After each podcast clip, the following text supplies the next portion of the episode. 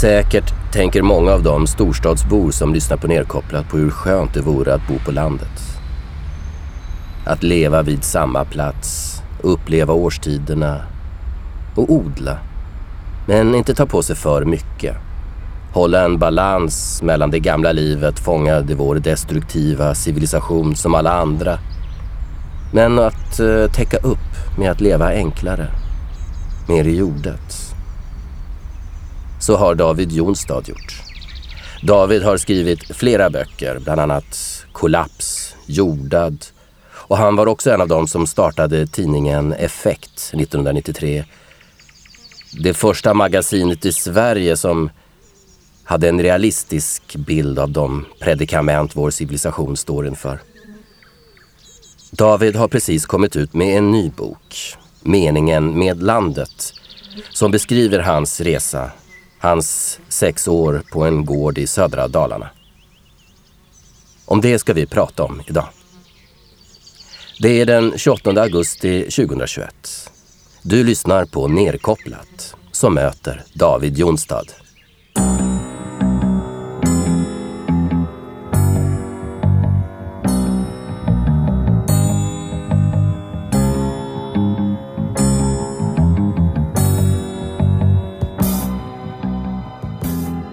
Hej David, välkommen.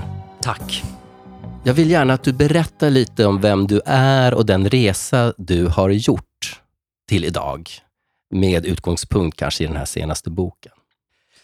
Alltså för, man kan gå tillbaka 15 år. Då eh, jobbade jag som journalist och upptäckte klimatfrågan, kan man säga. Började läsa böcker om det. Och, och eh, det knuffade in mig då på hållbarhetsspåret, kan man säga. Eh, jag skrev väldigt mycket om det. Och eh, var väldigt engagerad i de frågorna och funderade väldigt mycket kring hur ska vi liksom tackla de här eh, sakerna. Och till en början så jag bodde i stan då och var väldigt inriktad på att vi måste bygga hållbara städer och hela det köret som fortfarande upprepas idag med eh, liksom elbilar och vindkraftverk och vi har gröna fasader eller jag vet inte, alla härliga idéer som, jag menar, vissa av dem är, är kanske bra och sådär, men, men det, det blev, ju mer jag läste om det där så blev det liksom någon sorts tomt snack bara över det. Alltså det, det var så långt ifrån eh, magnituden på de här kriserna. Och, och det var nog i den vevan som jag också började jobba med eh, min andra bok, då, Kollaps, eh, som liksom var ett mer ärligt eh, nyktert sätt att se på den, eh, den krisen vår civilisation eh, liksom befinner sig i och framförallt då satt i ett historiskt perspektiv. Eh, alltså vi, vi följer liksom samma mönster som tidigare civilisationer och det går liksom inte att komma runt det. Eh, att vi skulle liksom med någon sorts unik innovationsrikedom kunna eh, bryta det där. Eh, så att jag och därmed föddes också tvivlet på min egen livsstil, om man ska gå tillbaka till, till vem, vem jag är och hur jag har, har förändrats. Alltså från, från att ha varit eh, den här eh, personen som verkligen stortrivdes i stan och eh, kunde inte se mig leva på något annat sätt, till att liksom, det där tvivlet började växa, eh, parallellt med att en längtan började växa efter att kanske leva på ett annat sätt. Uh, och um, det var ju det som då kan man säga blommade ut uh, då för sex år sedan när vi faktiskt uh, lämnade lilla lägenheten i Stockholm och körde upp till en gård i södra Dalarna där vi bor. Då. Var det svårt? Vad var det som gjorde dig kapabel till att verkligen göra det? Ja, alltså det... Eh, eh, jag vad ska jag säga, det, det, finns, det finns flera drivkrafter i detta som eh, tror jag hjälpte. Alltså det, jag men, när, när jag upptäckte det här med, med klimatförändringarna och överhuvudtaget de ekologiska kriserna och även vår ekonomis, eh, liksom, hur det bygger på den här eh, tillväxten och finansbubblor och sådär, så blev jag ganska rädd och orolig. Och av det skälet så liksom eh, började jag fundera på vad finns det för alternativ som man kan leva på som inte liksom eh, kommer stå så himla eh, ostadigt eh, i en stormigare framtid. Så att det fanns den, den drivkraften också. Men det var ju också det att jag, eh, och det är kanske det som är det viktigaste, jag menar, om man ser till förändringar i, i historien, så det som har drivit människor är ju den här längtan efter ett, att förbättra sitt liv på något sätt. Och jag upptäckte ju när jag eh, då kring, ja det var väl kring 2009, så, så gick jag med i en gårdsgemenskap i Sörmland. En, en som gemensamt ägd gård där vi liksom var ute och eh, kan vi säga, experimenterade liksom med odlingar och djur och grejer i skogen och sådär. En massa noviser som var nyfikna på det där och vi hade väldigt mycket samtal och så. Och Eh, då upptäckte jag hur mycket bättre jag mådde när jag var ute hela dagarna och jobbade och ägnade mig åt saker som kändes väldigt meningsfulla och begripliga och eh, liksom med väldigt direkt koppling till våra grundbehov och sådär. Och hur, hur, hur snabbt det där eh, liksom bröt ner min tidigare identitet som den där urbana eh, liksom, journalistkillen. Och jag, jag, jag, tänker att det är också en, en, en viktig faktor, man pratar liksom förändringar, eh, att våra identiteter spelar en väldigt stor roll där. Alltså vad är det som, man, som känns rätt att göra i förhållande till ens identitet? Så att, eh, svaret på frågan hur den där resan gick till, alltså, man, jag var ju tvungen att bryta ner den gamla identiteten och ersätta den med en ny, liksom utveckla någon sorts ny identitet. Och uh, det var därför också det, det, tog, tog sin lilla tid. Alltså det, det tog ju kanske ja, åtminstone 6-7 år från att den här första fröt till att jag kanske inte måste bo i en storstad hela mitt liv. Jag kanske skulle trivas bättre på landet. Att, att, tills det verkligen blev så. Men det är så intressant när du pratar om identitet och hur svårt det är att bryta. Det är ju ganska många som gör den här resan. Alltså det gör, gör det inget märkvärdigt på något sätt. Och det som just med identitet som jag tycker är intressant är att eh, många eh, utvecklar sin identitet kopplat till någonting annat. För att man, blir, man liksom kommer så nära då sina odlingar eller sina djur och det är det som liksom har en betydelse för och ja. det är det man... Och så, så, tycker jag att det är för mig också, att det blir lite mindre viktigt den där eh, kanske mer eh, alltså, den identiteten som är kopplad till yrke då, eh, eller så, som det har, så, så har, har, har, har det varit för mig också. Jag menar, min författaridentitet Alltså det har ju fortfarande en sån, men den är inte lika stark, lika hundraprocentig som den kanske var för liksom, tio år sedan. Ja, men det är väl en sorts känsla av att det är på riktigt, eh, som jag också saknade kanske lite grann när jag får runt i stan, att man befann sig i någon sorts mer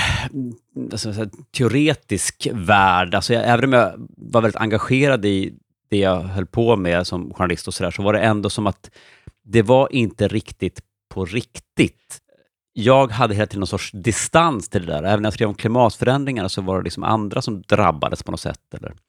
Och nu, nu är liksom verkligheten väldigt mycket mer på riktigt. Alltså för att det, det dels, dels det är så här mer självklart att man går ut och tar hand om sina djur varje morgon och man liksom följer eh, årstiderna och liksom alla olika moment på gården, men också det här att leva i en liten by eh, med en ganska begränsad skara människor som man tvingas ha en hel del att göra med eh, och att det är, alltså man kommer liksom nära människor som är eh, ganska olika en själv och att det är, liksom, det är något väldigt eh, eh alltså, ökar någon sorts förståelse för för, för andra människor som jag nog inte riktigt hade innan när jag levde, liksom, umgicks väldigt mycket med likasinnade, egentligen enbart. Uh, så att det var, och det, det, det är, ska jag säga, eh, någonting väldigt nyttigt i det också. Att, att man lite grann går emot det här eh, minsta motståndets lag när det gäller det sociala. Eh, alltså I stan så kan man vara otroligt kräsen och bara umgås med sådana som bekräftar den och sådär. Eh, här får man liksom kanske lite mer brytas mot varandra och eh, eh olika värderingar och sådär på, på gott och ont.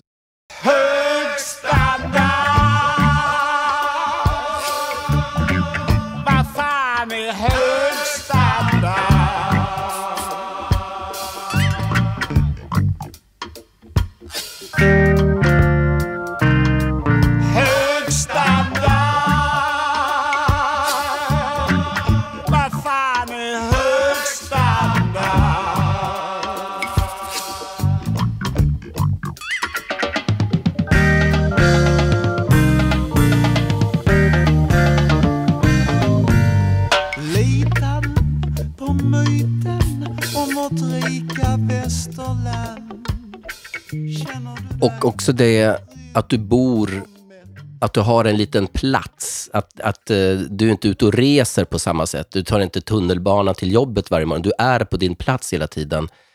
Eh, din lilla by, din gård. Vad har det gjort? Alltså det här, uh, man tänker kring hållbarhetsfrågor så är liksom grund, grundproblemet att vi har blivit så fjärmade från naturen, att vi betraktar oss som separerade från, från naturen, eller att naturen är något liksom skafferi vi går till för att plocka diverse resurser som vi behöver. Uh, och att alltså, eh, det det kanske viktigaste för att vi ska kunna på något sätt uh, komma ur den här destruktiva riktningen vi har nu är att vi närmar oss och att vi liksom känner oss mer som en del av naturen. Och det där, på ett teoretiskt plan, så är det där, det är inte så liksom lätt att bara tänka att nu är jag en del av naturen eller sådär, för att det, det vore bra ur hållbarhetssynpunkt. Uh, men om man faktiskt lever i någon mån av det som naturen ger liksom, och eh, verkligen brottas med eh, de här processerna i jorden eller eh, vad det nu är för någonting dagligen, så får man en annan liksom, observationsförmåga. Eh, man ser det där mycket närmare och man, det gör ju också att det, det förstärker ju känslan av att man faktiskt är en del av detta. Alltså, det, missköter liksom om vi eh, jorden, vi går på den när den är blött och allting blir kompakt, då kan det inte finnas något liv där. Det kommer bli sämre lökskörd då. Alltså det är väldigt snabb feedback på något sätt. Att, att om man tar hand om sin plats så kommer den också ge mer på något sätt. Att det, och då, då, då stärker man de där banden och då upphäver man en del av den där separationen. Eh, så att Uh, alltså, och det, det där gäller på många sätt. Alltså, jag levt så jäkla mycket i, i mitt huvud på något sätt. I böcker och teorier och det är stadsmänniskans förbannelse. Mm. Uh, så att jag... Inte bara stadsmänniskans mm. idag. And, jag menar, hur dina grannar där i, vad heter byn? Arkhyttan? Mm. Ja, hur, eh, när, hur, hur mycket tänker de sådana tankar som du pratar om nu? Att, att du blir mer ett med naturen och att, det blir, att du finner ett samband med vem du är som, att, som människa, att du är en del av Gaia. Liksom. Eh, de är väl många, nu, nu generaliserar jag och bara utgår från någonting, men de är väl lika miljöskadade som, som de flesta stadsbor när det gäller sådana saker? Uh, ja, på ett sätt så är de säkert det. Alltså vi, vi lever ju i en eh, kultur som är ganska liksom, naturfjärmad. Så. Uh, samtidigt så, så lever de också i den där väldigt fysiska, eh, den fysiska närkontakten med naturen. De måste, alltså, jag skriver i, i, i boken där om den första gången jag träffade på mina grannar och skulle gå upp och låna en grej och, och liksom, de stod där, två liksom, bönder från två olika gårdar med såna enorma skördetröskor skulle ut och, och eh, skörda spannmålet då, och stod och väntade. Alla var helt, liksom, bara stod och pratade för att dagger hade inte gått ur, ur grödan än. Alltså det var lite för fuktigt för att kunna tröska det. Och det spelar liksom ingen roll hur stora maskiner man har och liksom hur mycket man skulle vilja dra igång, utan man får gott vänta på att liksom tor att, att, att här, torka lite grann och naturen säger genom sorts klartecken att nu så kan man skörda det här. Och så att, alltså det, det, finns ju liksom, de tvingas ju också ha en sorts ödmjukhet inför att man inte kan kontrollera eh, allting. Men jag tycker man borde kunna konstruera en maskin som torkar daggen det, det, så att man kan köra ut skördetröskorna. Det, när, jag, när jag sökte på det där så det är det på gång. Det finns någon som har konstruerat en sån enorm maskin, men den är extremt energikrävande för att man ska liksom snabbt blåsa ut jättemycket varm luft som ska då torka innan man ja, skördar. Men de, de problem den maskinen tillför, det finns säkert en ny maskin.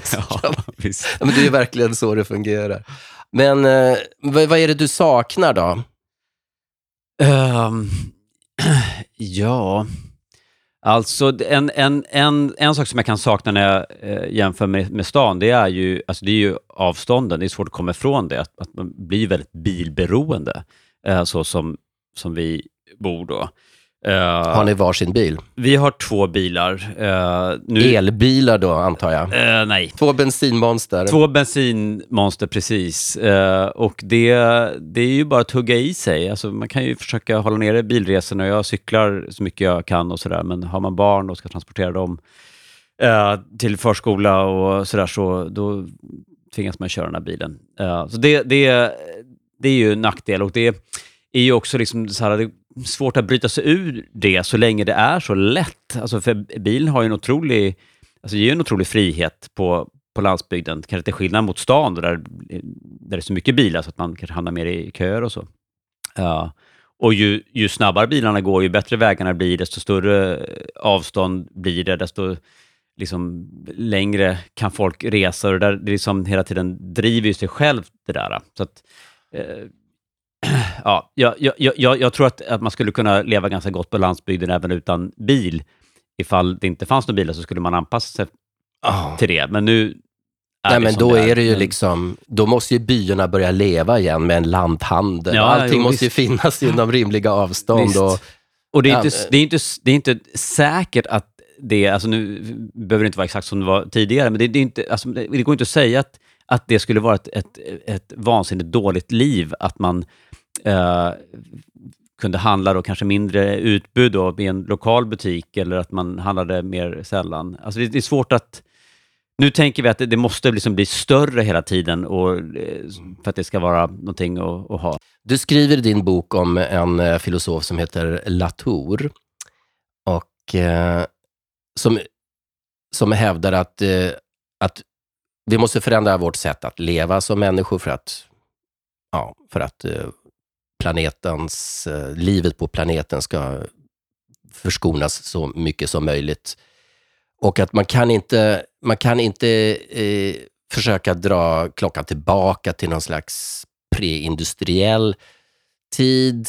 Det går bara inte och det går inte heller att förlita sig på att tekniken ska lösa allt, för den, det gör den inte. Utan han, menar, han har väl någon slags mellan allting att, att utgå från den platsen vi bor på, dess ekologi, människor och kultur. Att, att låta platsen föda oss.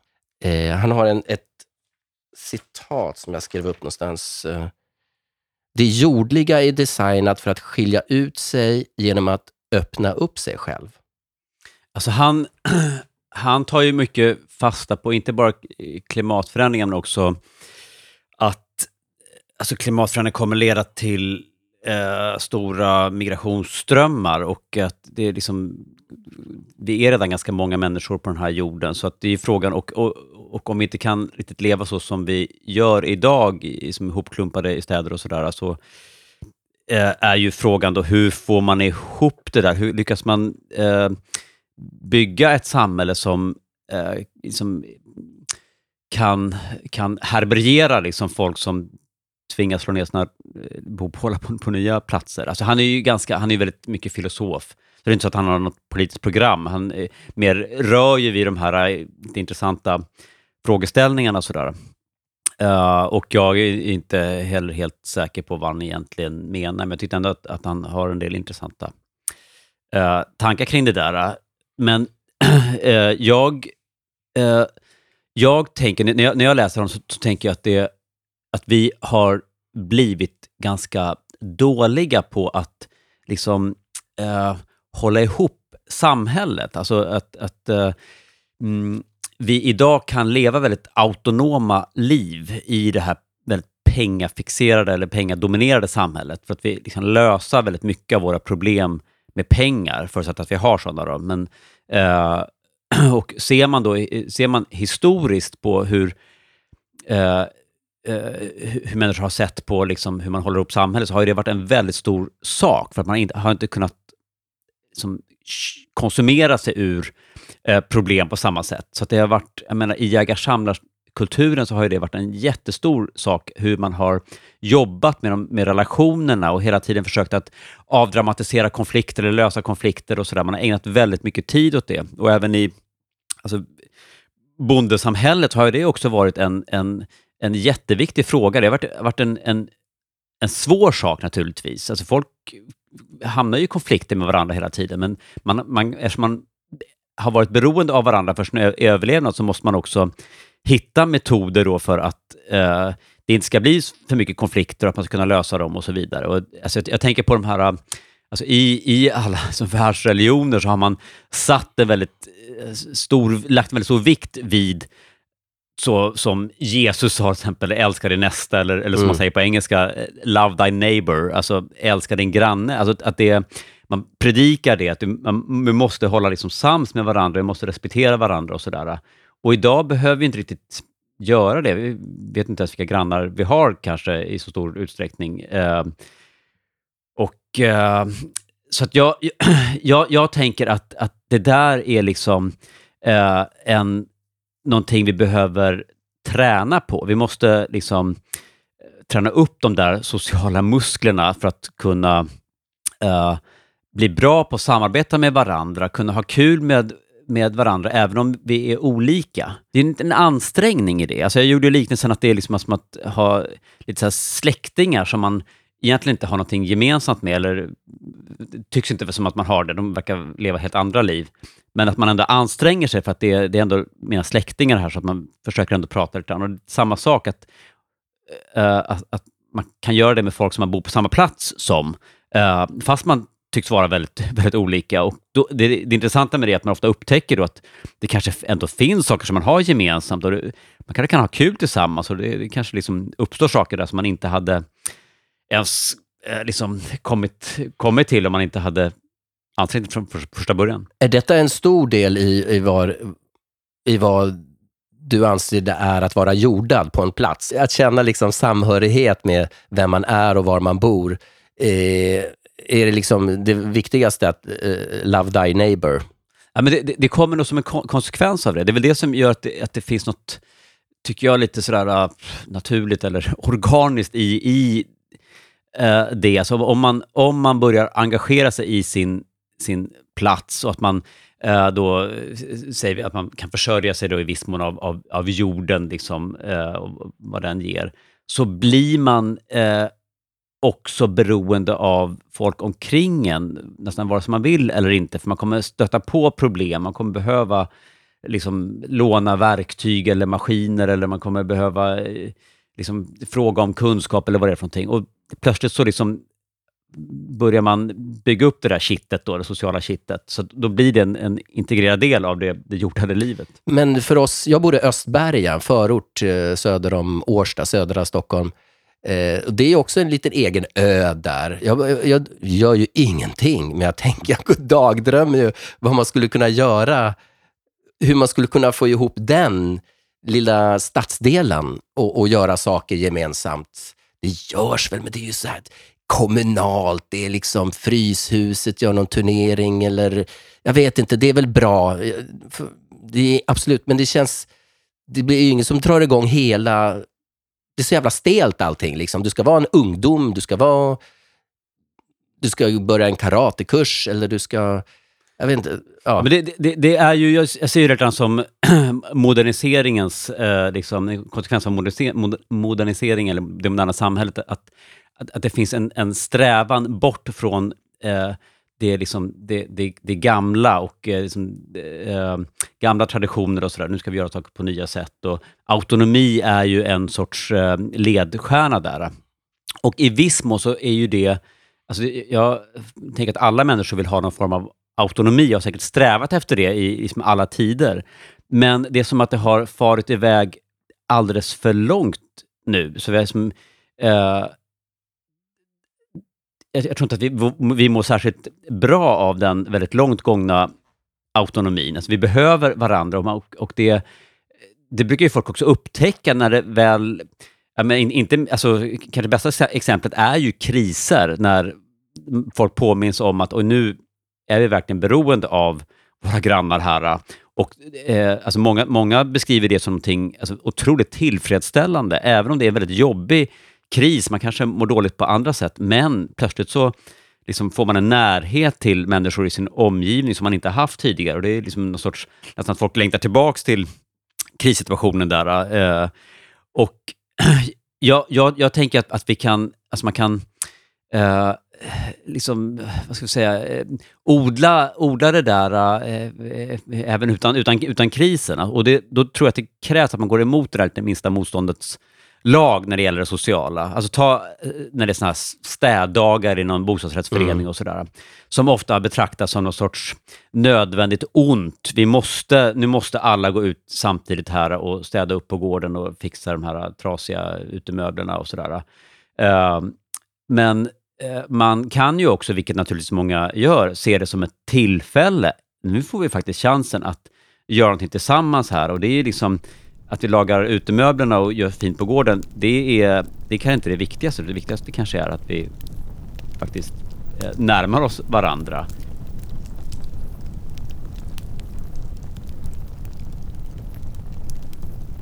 Vi lever i paradiset. Nu. Det blir inte bättre än så här.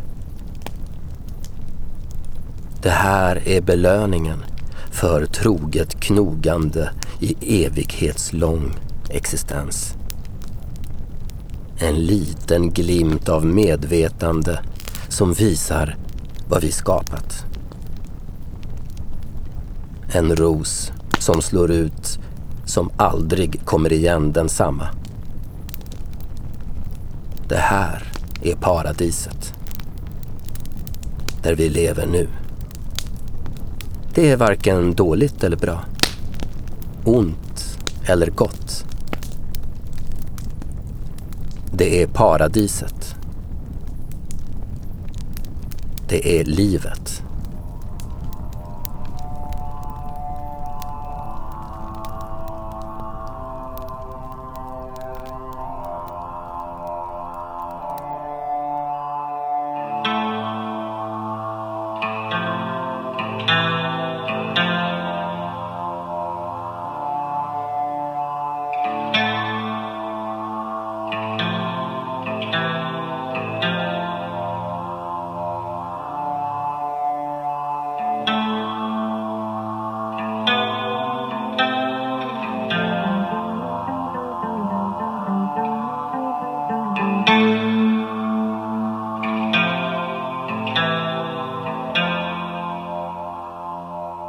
Att man kommer närmare naturen, man ser ett sammanhang, man följer årstiderna, man jobbar hårt, man blir trött på riktigt. Även om kanske inte alla vill leva så, så kan, tror jag alla förstår skönheten och, och, och liksom eh, det tillfredsställande med att leva så.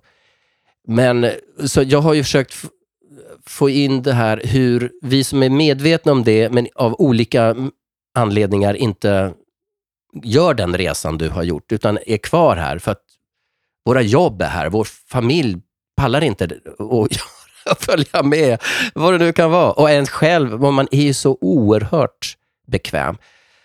Att liksom hitta allt det där du pratar om, att, att, att se, att liksom känna med, att vara ett med andra varelser som inte bara är människor, att prata med, att, att eh, ge, ge, göra varandra tjänster. Det går ju att överföra här också, eller, eller, gör, det, eller gör det inte det?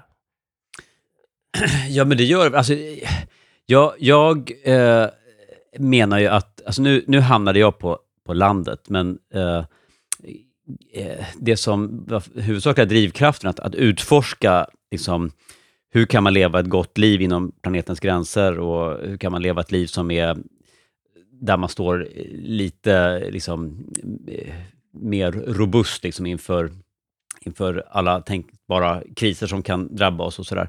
Eh, det, jag hade kunnat utforska det i stan också.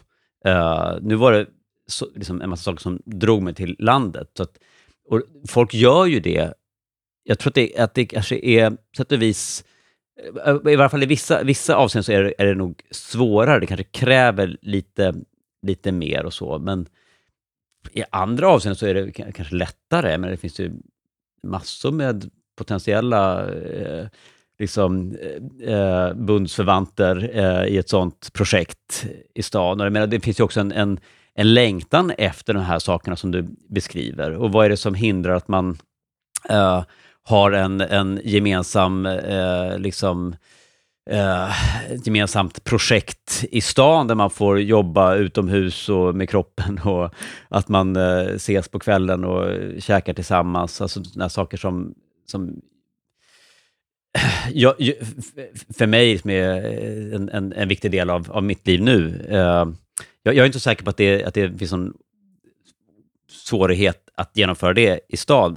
Men det, det är väl det där att liksom, det är väldigt mycket som handlar om, om bekvämlighet och autonomi och, och sådär som och att man lever i en sån kultur som är lite ett hinder där, så man måste liksom på något sätt bryta sig loss från det ja, först. Folk måste ju jobba så mycket för att liksom överhuvudtaget ha råd med alla räkningar. Och, alltså man får jo. inte... Och eh, ja, man får inte den där tiden.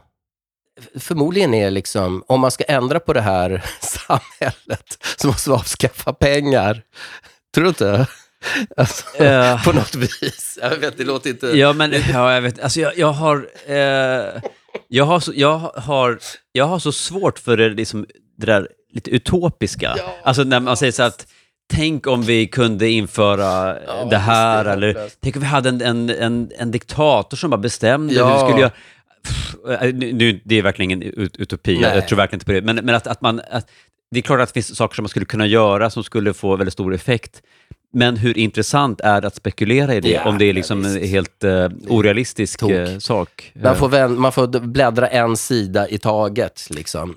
Ja, det är väl det också. Alltså, man ska gå tillbaka till alltså, det vi pratade om i början, om min egen resa. Alltså, I början så drogs jag till de där liksom, eh, grandiosa planerna och strategierna för hur man ska liksom kunna ställa saker till, till rätta. Och, och, och det där lever ju fortfarande nu, framförallt inom vänstern. Det finns en massa drömmar om att vi ska göra sådana här massiva investeringar liksom i massa ny teknik och infrastruktur och så vidare. Och på det sättet så kommer vi skapa ett helt nytt eh, grönt eh, eh paradis, mer eller mindre.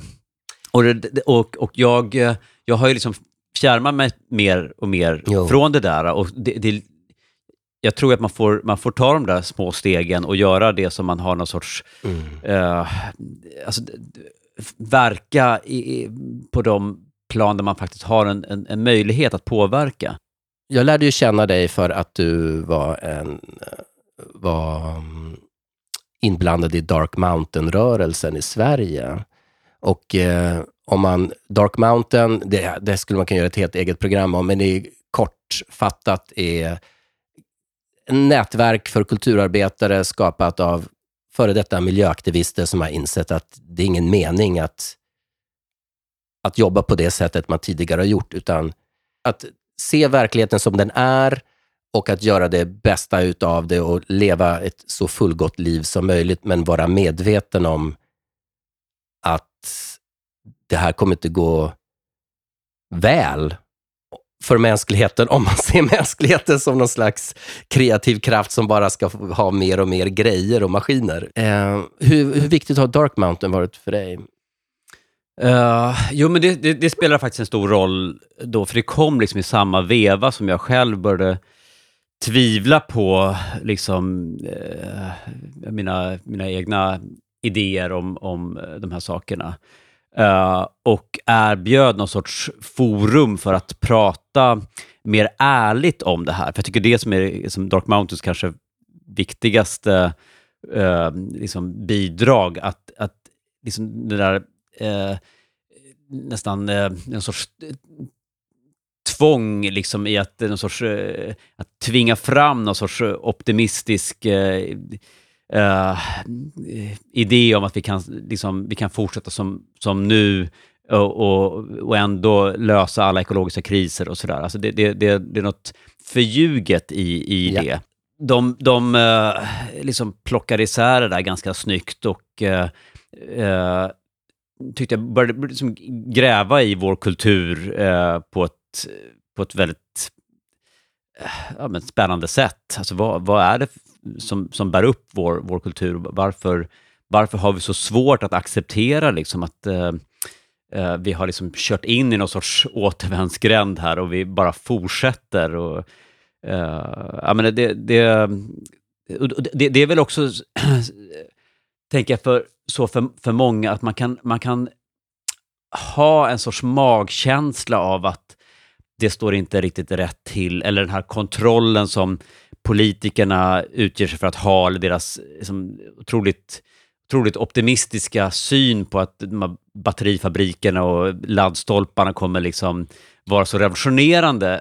Man kan ju, man kan ju känna sig lite ensam i det där, för att det är så, det är så massivt så massiv konsensus att det här är vägen framåt. Och då, då blir det så viktigt att eh, få någon sorts bekräftan från andra att man inte är galen. Det var därför också vi startade Effekt, eh, att liksom ge uttryck för någon sorts systemkritik och civilisationskritik eh, och visa att, att folk inte är ensamma om den här känslan av att eh, det är något mer fundamentalt som är, är, är fel än, än exakt hur vi driver våra bilar. Du, en ganska stor drivkraft för dig för att eh, skriv, det du skriver och hur du lever, det är att liksom dels själv förbereda dig för hårdare tider, eller man ska säga, stramare tider och eh, få andra att inse detta och själva liksom förbereda sig. Är det, stämmer den? Mm. Ja, det, det, det, är ju, det är ju, finns ju med. Men, men det, det, finns ju som, som eh, tre, tre, tycker jag, huvudsakliga drivkrafter. Det, det är ju den ena, eh, som kanske egentligen inte är den viktigaste, men, men den, den finns absolut med. Eh, sen så är det ju då det som vi har pratat om en del här, då, hållbarhetsfrågan och eh, liksom att man vill minska sitt ekologiska fotavtryck och så i, på något mer idealistiskt vis, att man eh, en sorts solidaritet med, med andra och sådär som också naturligtvis är, är viktig.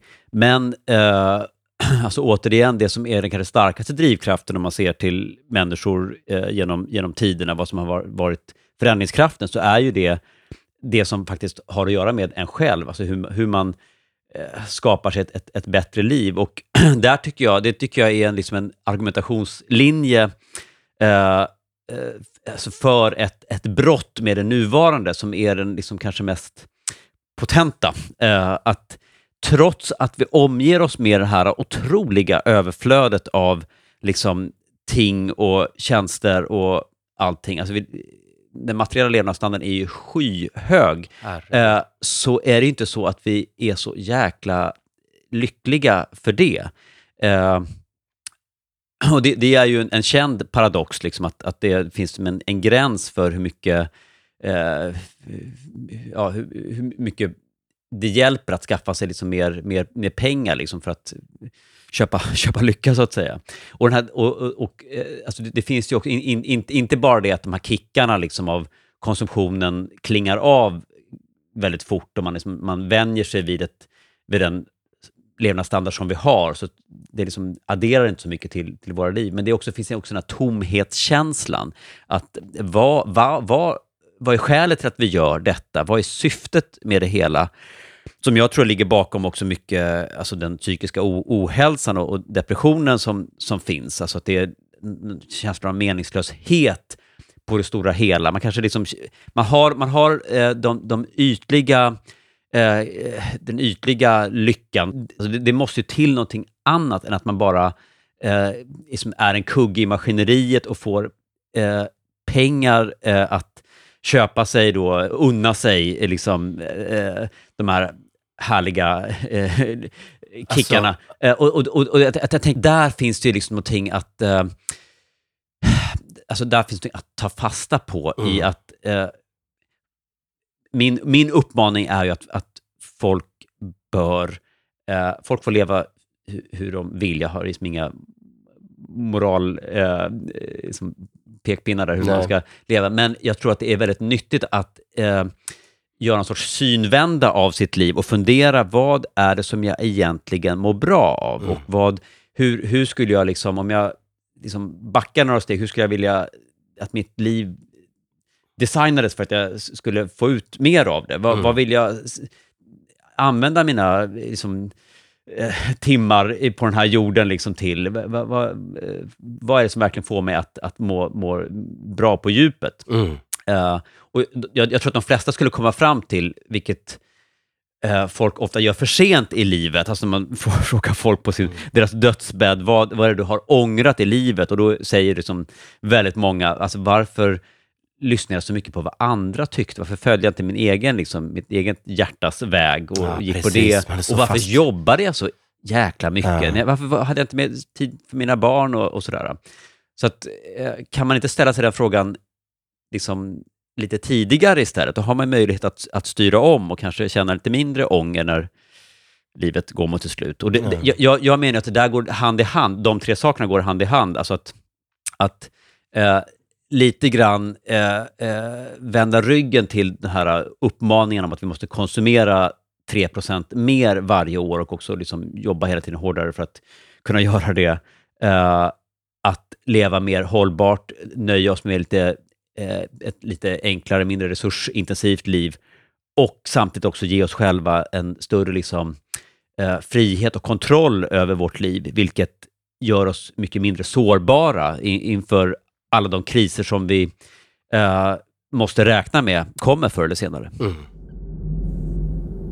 Den 22 oktober 2025 sålde jag mitt företag, Playoboy, för eh, 400 miljoner dollar. Precis innan kraschen. Tur för mig. Jag köpte Villa Pauli i Djursholm. Vid revolutionen flyttade jag och familjen till Shanghai. Sen Sankt Petersburg. Ja, det var fina tider. Sen hit. Det fanns inte så många andra platser att välja på. Nu finns bara jag kvar.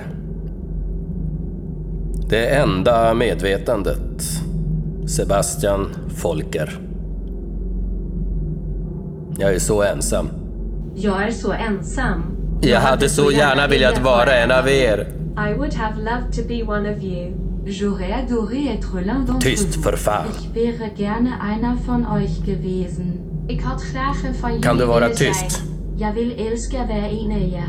Jag skulle gärna varit Tyst! en av er. För fan! Jag hade så gärna velat vara en av er. Kan du sluta upp med det där? Förlåt, Jag vill vara analog.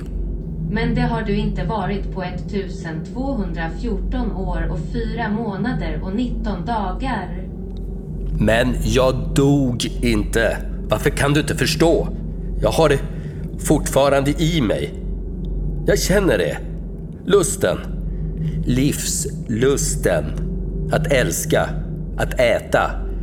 Att skratta. Vi har väldigt roligt hela tiden. Här ska jag leva i evighet.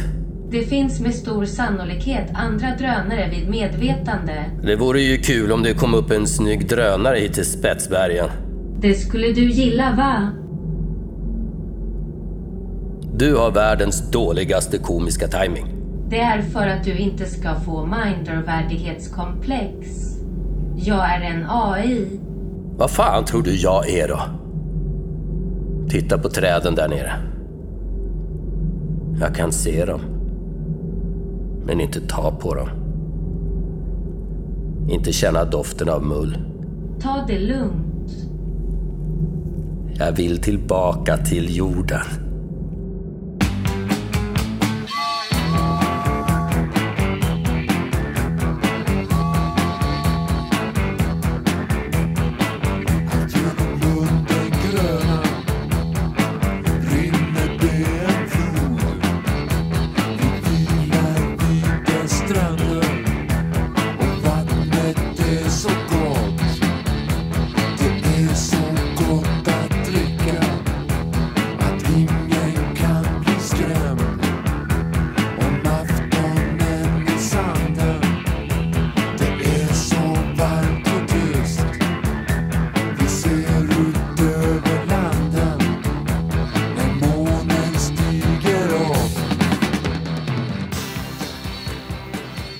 Derek Jensen är en amerikansk eh, aktivist och eh, författare och eh, Han har i alla fall gett ut ett boxset, en, en, en massa kort i en låda som heter Beneath and Beyond. Jag kallar det för Bortom och Under.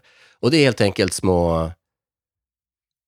En, en mening att filosofera kring. Och jag tänkte göra det som en tradition här i Nerkopplat, att min gäst och jag eh, tar ett kort och så bara pratar vi om vad som står på det. Väljer du under eller bortom? Mm, under. Mm, det är det svarta. Ja, du får ta ett, Mm. ta ett kort. Jag läser också. Och så läser du också. Mm. Det är på engelska. What do you hope to accomplish with your life? With your work? Is there a difference? På svenska alltså, vad hoppas du uppnå med ditt liv och med ditt arbete? Och finns det någon skillnad däremellan? Jag, jag ser ingen skillnad. För mig är mitt liv mitt arbete. Fan, det är det. Och... Ah. Men vad, vad hoppas du uppnå med ditt liv då? Ehm. jag blir generad. Ja, men att, att, jag, att jag, när jag ligger där på dödsbädden, att jag är, att jag, att jag är nöjd med att jag, att jag, med vad jag har gjort. mycket. Men du då? Ja, men alltså, jag, jag, eh, jag tycker att det är skillnad på, på arbete och jobb kanske. Alltså, det, där, det, det, jobb är det jobbiga, alltså det som man gör eh, för att man måste få in pengar kanske. Alltså, det finns liksom ingen glädje i det riktigt. Eh, så att, jag menar, arbete kan ju vara någonting väldigt lustfyllt och det, för mig är, är det också det. Jag menar, både du och jag har väldigt fria kreativa yrken, så att det, det är inte helt representativt kanske för liksom, folk i allmänhet. Men, men om vi nu utgår från oss själva här så eh, det, alltså, både mitt, mitt med löne, lönearbete, eh, alltså som att skriva och föreläsa, det är ett otroligt privilegierat arbete som jag trivs väldigt bra med. Eh, men men det, det är ju liksom en, en liten en halvtids, halvtidssysselsättning för mig.